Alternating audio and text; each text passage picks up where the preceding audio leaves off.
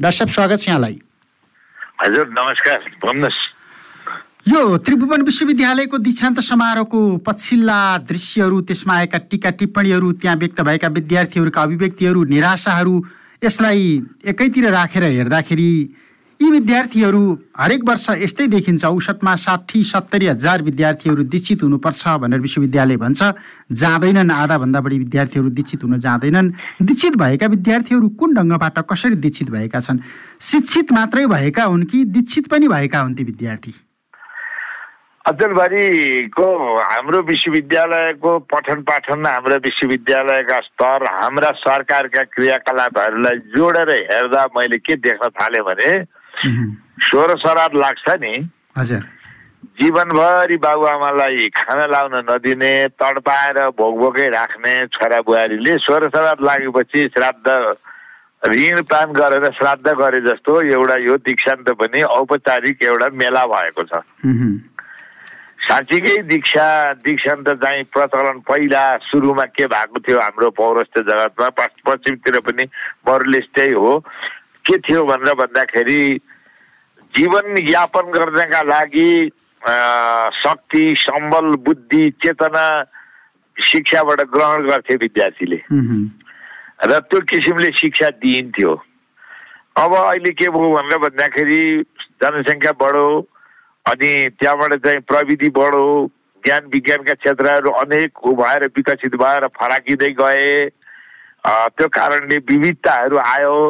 यी सम्पूर्ण विविधताहरूलाई पनि एउटा चाहिँ निश्चित परिणाममा एउटा निश्चित तहमा एउटा निश्चित स्तरमा राख्न सकेको भएदेखि त्यसले सुपरिणाम दिन्थ्यो। अब हामी कहाँ के भयो भनेर भन्दाखेरि अब जसले अलिकति अनुदान दिन सक्छ त्यसैले भन्ने अनुसारको पाठ्यक्रम बनाउन थाल्यौँ हामी। होइन दाताले जे भन्छ त्यही अनुसारको पाठ्यक्रम बनाएपछि हामी कहाँ पुग्छौँ? कल्पना गर्नुहोस् त। एउटा।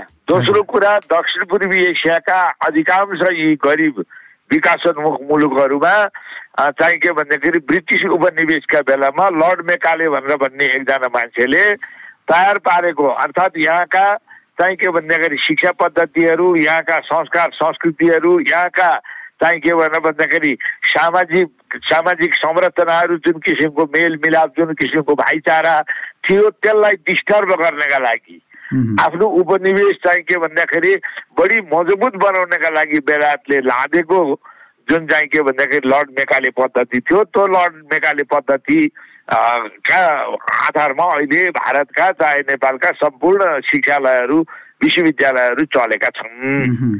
त्यस कारणले तपाईँलाई म एउटा उदाहरण म मेरो विद्यार्थीहरूलाई पढाउँदाखेरि उदाहरण दिने गर्थेँ। तिम्रो घरमा म ढोका खुला ढोका देखेर भित्र पस्यौँ भने पनि ती म हुने चोर नै हो। पल्लो पल्लो घरकाले मलाई के भन्छन् भने ढोका खुला भएकाले पसो भन्दैनन् चोर पसो भन्छन्। तर मेरा घरमा मैले साँचो हराएँ र ढोका फुटाएर अथवा पर्खाल भत्काएर पसेँ भने पनि कसैले मलाई चोर भन्दैनन्। साँचो हराएछ त्यस कारणले ढोका फुटाएर अथवा पर्खाल पस के अरे भत्काएर पसो भनेर भन्छन् हेर। त्यस कारणले हरेक कुरा आफ्नै पुर्खौली सम्पत्तिलाई दोहन गरेर उत्खनन गरेर निकालेर त्यसलाई विकास गरेर मान्छे धनी हुन्छ देश धनी हुन्छ। अर्काको मागेर लिएर आएर भुटेर मागेर ल्याएर भुटेर खाएर कोही पनि दुनियाँमा बनेको छैन धनी हुँदैन। श्रम गर्न सिक्ने किसिमको पाठ्यक्रम छैन। पढ्न मन छ ल आऊ पढ। पढ्न मन छैन भनेर भन्छु। भनेदेखि अब कहिले यो कुरो बुझ्ने सरकार होला र बनाउला? अब यो म विद्यार्थीहरूलाई भन्थेँ। श्रम गर्न त श्रम गर्नकै लागि सर्टिफिकेट बोकेर विमानस्थलमा लाइन लाग्ने जमात त बना बनाएकै छौँ नि हामीले। हो त त्यो त अरूलाई अरूलाई श्रमिक उत्पादन हामीले गरिदियौँ किनभने हामी आफ्नो देशका मालिक होइनौँ। हामी कसैका रखौटा भयौँ। त्यस कारणले कसैले हामीलाई पैसा दिएला भनेर हामी उनीहरूका लागि आवश्यक भन्ने मेन पावर तयार पारिदिइराखेका छौँ। नत्र भने तपाईँ एउटा कुरा भन्नुहोस् चाहिँ के भन्दाखेरि आज हाम्रो पौरस्त्य शिक्षा पद्धति र हाम्रो पौरस्त्य भाषा साहित्यका कुराहरूमा पश्चिम आज अरबौँ खरबौँ बगाउन तयार भएर आफ्ना देशमा पनि उनीहरूले दसवटा बाह्रवटा चौधवटा पन्ध्रवटा विश्वविद्यालय खोलिसके। पढाइ भइराखेको छ। त्यस ठाउँमा आज हामी पाठ्यक्रम के बनाउँछौँ त भनेर भन्दाखेरि त्यही ब्रिटिस उपनिवेश कालको लर्ड मेकाले पद्धतिको पाठ्यक्रम छ हाम्रो। त्रिभुवन विश्वविद्यालयको पाठ्यक्रम हेर्नुहोस्। चाहे भारतका चाहिँ के भन्दाखेरि बिएचयुका पाठ्यक्रम हेर्नुहोस् जेएनयुका पाठ्यक्रम हेर्नुहोस् दिल्ली युनिभर्सिटीका पाठ्यक्रम हेर्नुहोस् हामी दास मनोवृत्तिबाट दक्षिण पूर्वी एसियाका हामी कोही पनि उठेका छैनौँ। त्यस कारणले लर्ड मेकाले पद्धतिले जे दिएको छ। त्यसले के दिएको छ भन्दाखेरि अत्यन्त प्रतिभाशाली पाँच सातजना विद्यार्थी उत्पादन हुन्छन् हरेक ब्याचमा अरू सामान्य मान्छेहरू चाहिँ के भन्दाखेरि विदेशीहरूका लागि हामीले श्रम शक्ति एउटा चाहिँ त्यो म्यान पावर उत्पादन गरिदिएका छौँ। तिनै विश्वविद्यालयबाट दीक्षित भएर आएका म, हरूबाट हामी शासित छौँ भने उनीहरूले कस्तो चाहिँ बिरुवा रोप्ने हो र उनीहरूको दिमागमा जे कुरा पठाइएको छ पढाइएको छ त्यही कुरा नै हामीहरू हाम्रो समाजमा विकास भइराख्या होला नि बनमारा भनौँ कि त्यसलाई तपाईँको यो तर्कलाई स्वाट्य काट्न त सकिँदैन तर कहिले काहीँ के हुन्छ भनेर भन्दाखेरि विद्वानको छोरो विद्वानै हुन्छ भन्न सकिँदैन। त्यो मान्छेमा प्रत्येक व्यक्तिमा आफ्नै किसिमको एउटा बौद्धिक आयाम हुन्छ। त्यो बौद्धिक आयामले गर्दाखेरि हामीले सर्टिफिकेट जे जस्तो दिए पनि पाठ्यक्रम जे जस्तो दिए पनि उसभित्र स्वयं एउटा रचनात्मक शक्ति हुन्छ. त्यो रचनात्मक शक्तिले उसले राम्रो गर्न पनि सक्छ। त्यो रचनात्मक शक्ति नभएकाले नराम्रो पनि गर्दा रहेछन् तपाईँले हाम्रै मुलुकमा देख्नुभयो। अहिले पाँच सातजना प्रधानमन्त्रीहरू जीवित छन्। उनीहरू आलो पालो सरकारको नेतृत्व पनि गर्न खोज्छन्।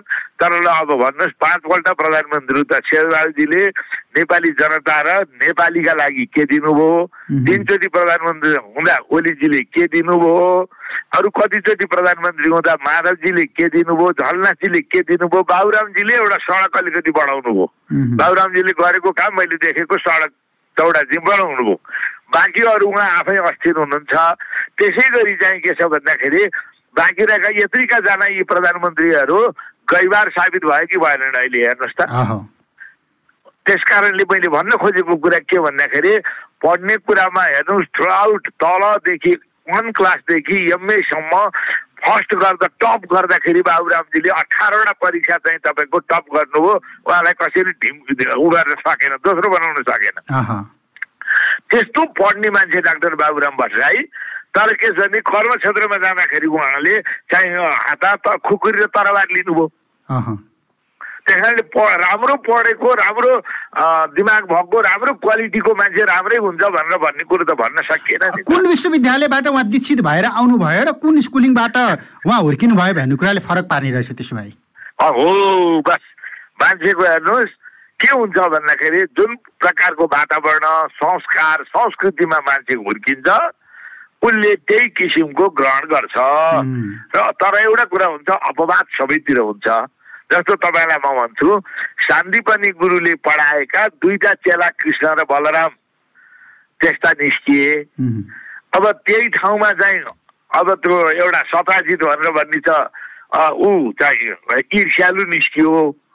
एउटै द्रोणाचार्यले पढाएको आफ्नै छोरो अश्वत्थामा त्यस्तो मूर्ख निस्क्यो। तर चाहिँ के भन्दाखेरि अर्जुन अर्को प्रकारको निस्कियो होइन?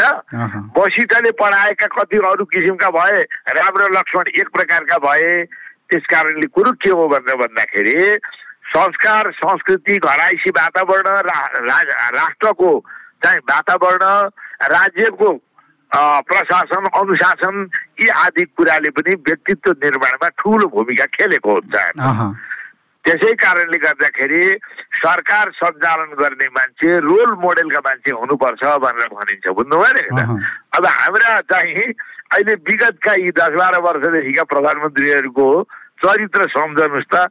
तपाईँ कस्ता कस्ता मान्छे उत्पादन गर्ला नि यिनीहरूले उप प्रधानमन्त्री भएको मान्छे नागरिक बेच्छ गृहमन्त्री भएको मान्छे नागरिक बेच्छ।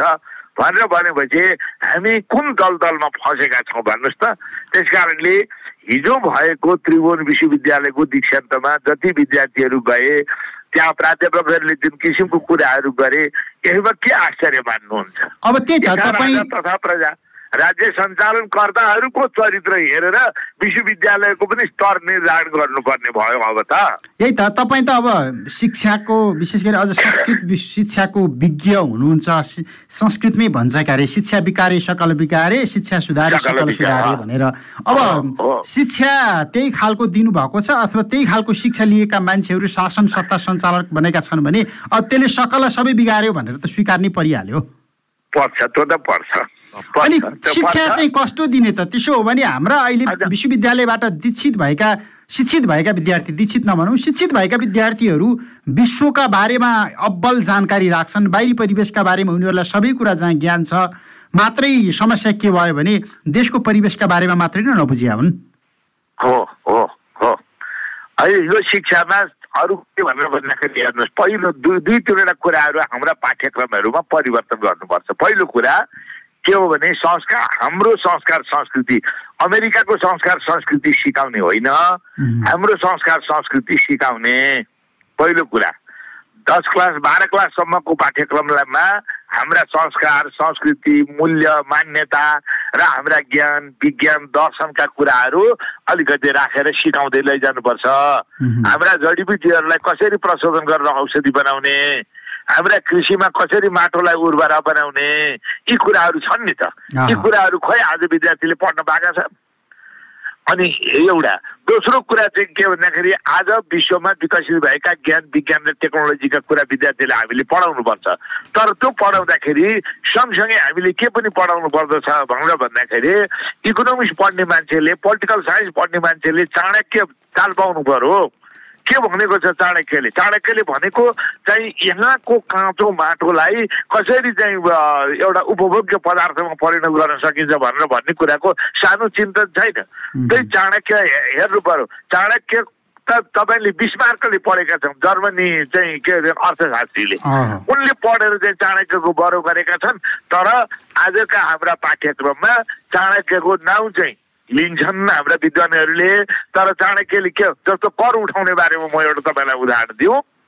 राज्यले कर कसरी उठाउने भन्दा जसरी एउटा फलफुल खेती गर्ने मान्छेले रुखमा चढेर पाकेका पाकेका फल टिप्छ र बजारमा पुर्याउँछ काँचा फललाई बढ्नका लागि र पाक्नका लागि समय दिन्छ।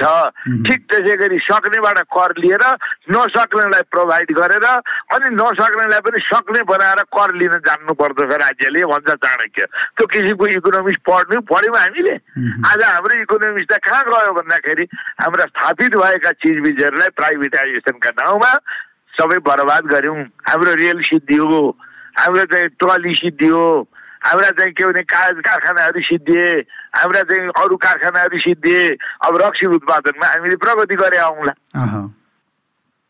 हेर्नुहोस् त्यस कारणले यो अधोमति अधोगति यो यो किसिमको किन भयो त भनेर भन्दाखेरि हाम्रो सबभन्दा गल्ती कहाँ भएको छ भने हाम्रो सरकारले सङ्कल्प गरेर दस वर्ष टालेको सुरुवाल लाउँछु आधा पेट खान्छु यो मुलुक बनाउँछु भनेर भन्ने किसिमको नेता आओस् त भारतको लालबहादुर शास्त्रीले कत्रो निर्णय गरेको थिए कल्पना गर्नुहोस् त।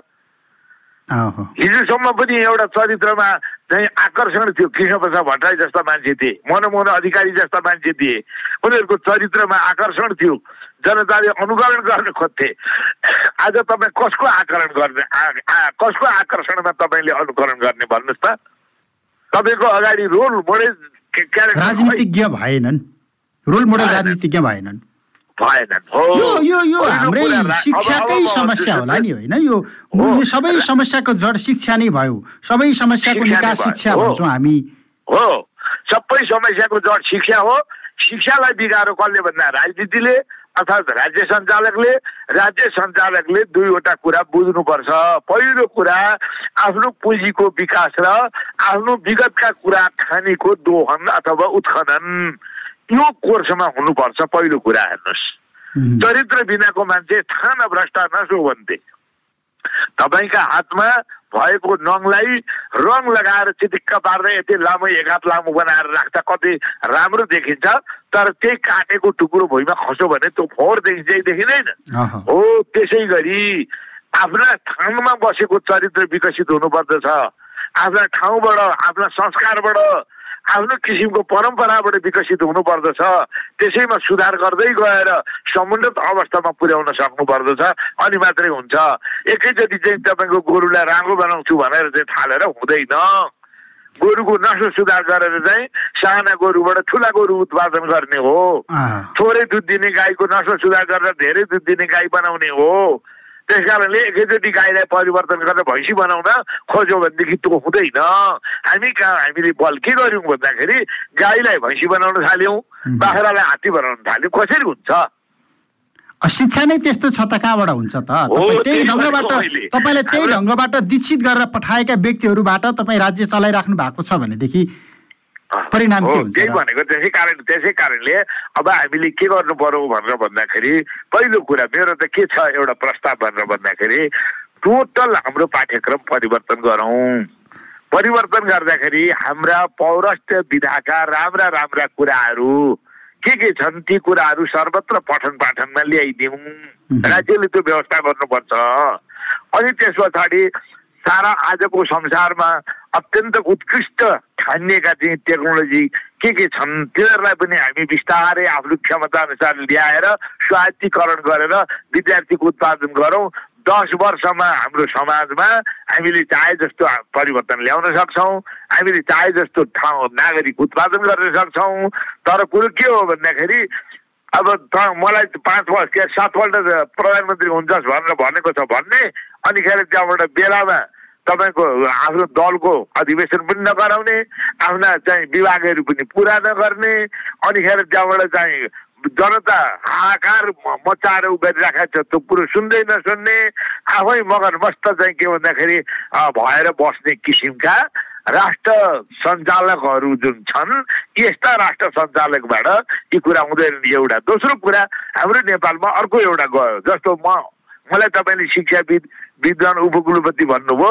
वास्तवमा मै पनि एक प्रकारले ल भन्नुहोस् न जिहाद छेडेर हामी जस्ता विद्वानहरूले यो पाठ्यक्रम भएन भनेर विरोध गर्नमा बोल्न सकेनौँ.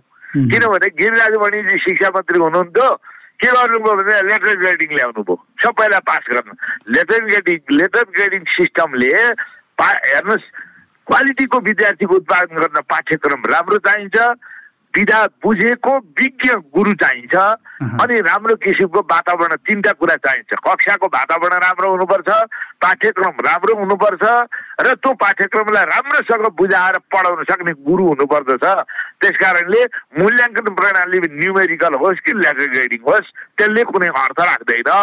यति कुरो दसचोटि भन्दाखेरि पनि सुनेनन् हाम्रा विद्यार्थीहरू मन्त्रीको चाकरी गर्न पाए। जी हजुर जी हजुर गरे। अहिले लेटर ग्रेडिङका दुष्परिणामहरू कसरी देखेका छन्? टेन प्लस टूमा यो उसमा लेटर ग्रेडिङका दुष्परिणामहरू देखिन थालेका छन् कि छैनन्। हो त्यस कारणले हिजो नयाँ शिक्षा एउटा चाहिँ के भन्दाखेरि ऊ आयो लगाइयो बल जबरजस्ती। त्यस पछाडि फेरि वार्षिक प्रणालीमा गयो।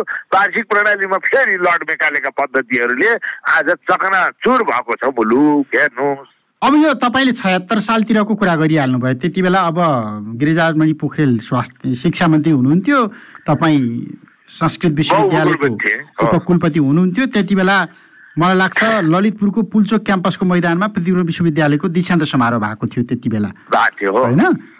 ती त्यो समयमा दीक्षित भएका विद्यार्थीहरू सत्तरी हजार चान्चुन विद्यार्थीहरू थिए।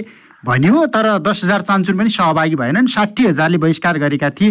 ती विद्यार्थीहरू कहाँ होलान् अहिले है? ए हजुर ती विद्यार्थीहरू विश्वमा विभिन्न ठाउँमा छरिएर बसेका छन् है?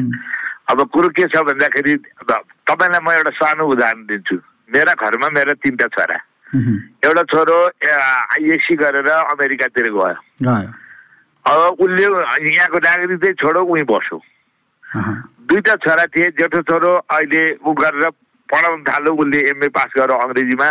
पढाउँछ बुहारी नर्सिङ एमएससी गरेकी छन् पढाउँछिन् काम गरिराखेका छन् तर अस्ति अमेरिकाको नर्सिङ काउन्सिलको जाँच पास गरेन् बुहारीले दिएर। किन। गरेको भन्दा अब यहाँ छोराछोरीहरूको पठन पाठन सबै कुरा यो मुलुक कहिले पनि नतङ्ग्रिने भयो बुवा। त्यस कारणले हामी अब चाहिँ अलिकति मौका पाइन्छ कि भनेर यसो गरेको भनेर भने यिनीहरूले हेर्नुहोस्। अर्को यो माइलो छोरो मेरो चाहिँ के भन्दाखेरि डक्टर छ। के रेडियोलोजिस्ट छ त्यहाँ उयसमा काम गर्छ अब ऊ पनि के भनेर भन्दाखेरि खै अब यहाँ श्रम आफ्नो मुलुकमा गर्नुपर्ने जहाँ रगत पसिना बगाउनु पर्ने हो जुन मुलुकमा त्यहाँ चाहिँ अवसरै भडा गाह्रो छ बुवा के गर्ने के गर्ने भन्छ अब हेर्नु चाहिँ मैले के जवाब दिने अनि मैले भने बाबु तिमीहरू आफ्नो कल्याण सोच के के गर्छौ म चाहिँ अब के भन्दाखेरि यो माटो छोडेर अन्यत्र जान्न यही माटाले मलाई जे दियो त्यसैमा सन्तोष गरेर बस्छु। अब काम गर्न सक्ने पनि अवस्था छैन मेरो। त्यस कारणले गर्दाखेरि अब म चाहिँ यसरी बस्छु भनेर मेरा घरको उदाहरण म तपाईँलाई दिँदैछु। समग्रमा तपाईँ एकजना शिक्षाविद भनिराखेका छौँ उपकुलपति पूर्व उपकुलपति भनिराखेका छौँ। तपाईँले तपाईँको सन्तानलाई यहाँनिर देशभित्र रोक्न सकिराख्नु भएको छैन भनेपछि हामीले कस्तो चाहिँ शिक्षा दिएर शिक्षित भइराखेका हो छौँ अब अब अरूलाई मैले कुन मुखले भन्ने त्यो तपाईँहरू यो चाहिँ के देशमा भन्दाखेरि बस, काम गर, यी सम्भावना छ, कुराहरू? गर्नुहोस् भन्दा कुन कुन मुखले भन्ने भन्नुहोस् त। अवस्था यो छ आज। त्यस कारणले हामीले कहाँ बिगाऱ्यौँ के गर्यौँ भनेर भन्लान् हाम्रा चाहिँ के भन्दाखेरि ड्राइभरहरूले। यिनीहरूलाई मैले अचेलभरि नेता भन्न छोडेँ ड्राइभर भन्छु म यिनीहरूलाई क्या. ड्राइभर चाहिँ कस्तो हुन्छ भन्दाखेरि ऊ अस्ति ट्र्याक्टरमा उसिना गर्दाखेरि ट्र्याक्टर दुर्घटना भएर मान्छे मऱ्यो कि होइन। त्यति चाहिँ के भन्दाखेरि बुद्धिहीन हुन्छ। म कुनै यन्त्रमा चढेको छु यो यन्त्रमा गडबडी भयो भने मेरो ज्यान जान्छ भन्नेसम्मको बुद्धि हुँदैन ड्राइभरको। हाम्रा मुलुक सञ्चालन गर्ने ड्राइभरहरूले त्यसै गरेर यो मुलुकलाई मात्रै होइन यो मुलुकको भविष्यलाई समेत बिगारिसके चालकहरूमा पनि एक चालकहरूमा पनि एक तहको विवेक चाहिँ हुन्छ। म यो समयमा यहाँ पुग्नुपर्छ यो उमेरसम्म मैले सवारी चलाउनुपर्छ। यहाँनिर यो खालको नियम छ ट्राफिकले यसो गर्यो भने कारवाही गर्छ। त्यति पनि विवेक भएका व्यक्तिहरूसँग तुलना गर्दा पनि अझ अपमान होला पनि त देखिएन नि। राज्यले खडा गरेको चाहिँ तपाईँको करप्सन अनुसन्धान गर्ने निकायले गरिराखेका ठाउँमा एमाले कोकोलो मचाएर आज त्यो छमछुम बनायो कि होइन भन्नुहोस् त। अब चाहिँ के छ भनेर भन्दाखेरि आफ्नै श्रीमती र आफ्नो कार्यकर्ताको उसमा उसतिर चाहिँ के भन्दाखेरि त्यो सोधिएपछि त तेरो तलैमा प्रधानमन्त्रीबाट हटाइदिन्छु भनेर एकजना नेता कुर्लिए त्यस पछाडि छामछुम भयो भनेर भन्ने हल्ला व्यापक भयो तपाईँले पनि सुन्नुभयो होला। मैले पनि सुने तपाईँहरू जस्तैको मिडियाबाट मैले सुनेको हुँ होइन? त्यस पछाडि अब अहिले के भनेर भन्दाखेरि जसले चाहिँ तपाईँको के भन्दाखेरि यो लल- ललिता निवासलाई उ गरेर चाहिँ यो कौडीमा बेच्ने भनेर उ गर्यो ती दुईटा प्रधानमन्त्री छाती खोलेर ठुला नेता बनेर हिँडिराखेका छन् यहाँ। हामी ठुला हौँ भनेर। अरू ती आउरे बाउरे उनीहरूले अराएको लाएको काम गर्ने बिचरा पाले पिएहरू मुद्दा खेपेर बस्नु परेको छ। हेर्नुहोस् त देशको विवेक हेर्नुहोस्। देशको कानुन हेर्नुहोस् देशको आचरण हेर्नुहोस् अनिखेर तपाईँ के आशा गर्नुहुन्छ भनेको? अहिले त्यसो हो भने यो विश्वविद्यालयमा जाने विद्यार्थीहरूको मनोदशा र आशा चाहिँ के हो? कुन भरोसामा यो विश्वविद्यालयमा गइराखेका छन्? तपाईँलाई म भनौँ। जसरी बिहान अब यो रातपछि दिन आउँछ दिनपछि रात आउँछ। के गर्ने? बाध्यता छ। त्यस कारणले विद्यार्थीहरू आशा लिएर भरोसा लिएर यो विश्वविद्यालयबाट केही गर्न सक्छौँ भनेर होइन। समय कटाउन। यो समय कसरी कटाउने त? उत्पादनमूलक काममा लगाउने। अब त्यो काम छैन राज्यमा. अनिखेर त्यहाँबाट जिने तिन अलि दुई चार अक्षर पढिन्छ भने बाहिर जान सकिने भइन्छ भनेर बाहिर जाने कुरो मूल उद्देश्य बनाएर अनि विद्यार्थीहरू चाहिँ तपाईँको बाह्र कक्षासम्म पढ्छन् बाह्र कक्षापछि सारा विदेश जान्छन् बाँकी रहेका दुई चारजना विश्वविद्यालयमा जान्छन् किन भन्दाखेरि बाहिर जान मौका पर्खे पर्खिनका लागि. ल आजको विश्वविद्यालयको तपाईँ विद्यार्थीहरूको चाहिँ दसजना विद्यार्थीसँग सोध्नुहोस् नौजना विद्यार्थीले यही भन्छ। अब यो शिक्षा क्षेत्रमा राज्यबाट भइराखेको लगानी व्यक्तिबाट होस् अथवा राज्यबाट होस् जुनसुकै रूपमा भइराखेको यो लगानी के औचित्य रह्यो लगानीका सन्दर्भमा? तपाईँकै घरभित्रको उदाहरण दिनुहुन्छ एमबिबिएस गरेका नर्सिङ गरेकाहरू अथवा अरू कुनै विषयमा स्नातकोत्तर गरेकाहरू विदेश गइराखेका छन् भने तपाईँले गरेको लगानीको औचित्य के रह्यो? अब औचित्य त केही रहेन। यसो भनेर अब बग्ने फालेर मर्न सकिँदो रहेछ। मूल त्यस कारणले समग्र जनतामा यो बोध भइसकेपछि एउटा चाहिँ के भन्दाखेरि जनचेतना जाग्ला जनचेतना जागेपछि अलिकति मूल्य मान्यतामा हिँड्ने खालका मान्छेलाई चाहिँ के भन्दाखेरि सरकारमा पुर्याउन सकिएला भन्ने एउटा आशा त लिनु पर्यो. निराश भएर खुट्टा पसारेर मात्रै त मुलुक बन्दैन। हामी नेता खराब भयो। नेता खराब भयो भनेर हामी कहाँ भन्छौँ र भने? हामी त व्यवस्था खराब भयो संविधान खराब भयो यो पुराना संरचनाहरू खराब भए यसले काम गर्न दिएनन् भनेर तपाईँलाई तपाईँलाई म भन्छु स्पष्ट शब्दमा यी चार पाँचजना पाँच सातजना यी आठजना परीक्षित मान्छेहरूलाई राजनीतिको चाहिँ त्यो यो उसबाट चाहिँ हटाइदिनुहोस्।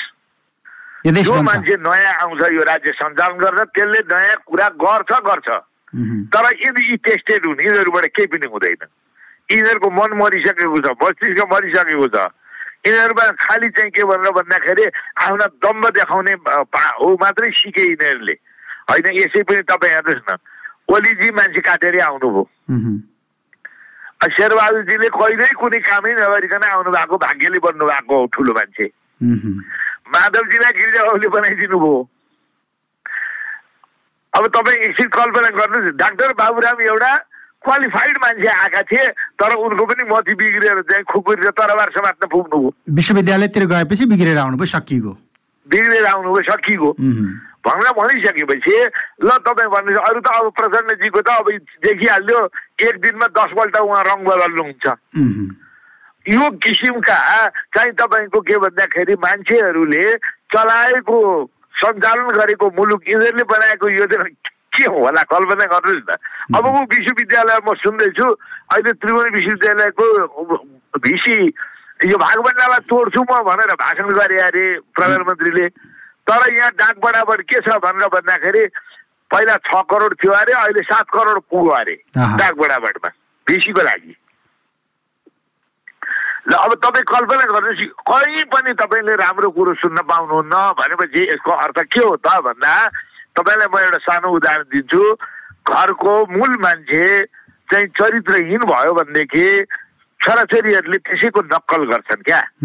त्यस कारणले मुलुक सञ्चालन गर्ने रोल मोडेलहरू त रोल मोडेलमै बस्नुपर्छ। हिन चरित्र देखाउनु हुँदैन। त्यो हिन चरित्र प्रदर्शन गर्दा पनि हामीले यिनीहरूलाई फाल्न सकेनौँ। दुर्भाग्य हाम्रो यो हो। हामी कमजोर भयौँ। नागरिक कमजोर भयो मतदाता कमजोर भयो सचेत नागरिकहरू कमजोर भए। कमजोर भए हो। गल्ती हामीमा छ। त्यसकै रिफ्लेक्सन चाहिँ अहिले समग्र। विश्वविद्यालयमा देखिएको छ शिक्षामा देखिएको छ समाजमा देखिएको छ। देखिएको छ। श्रीलङ्काले देखाउँदा देखाउँदै पनि हामी यिनीहरूलाई पूजा गर्न छोड्दैनौँ हेर्नुहोस् त। हुन्छ डाक्टर साहब समय समय र संवादको लागि धन्यवाद समय सकिएको छ। धन्यवाद यहाँलाई पनि।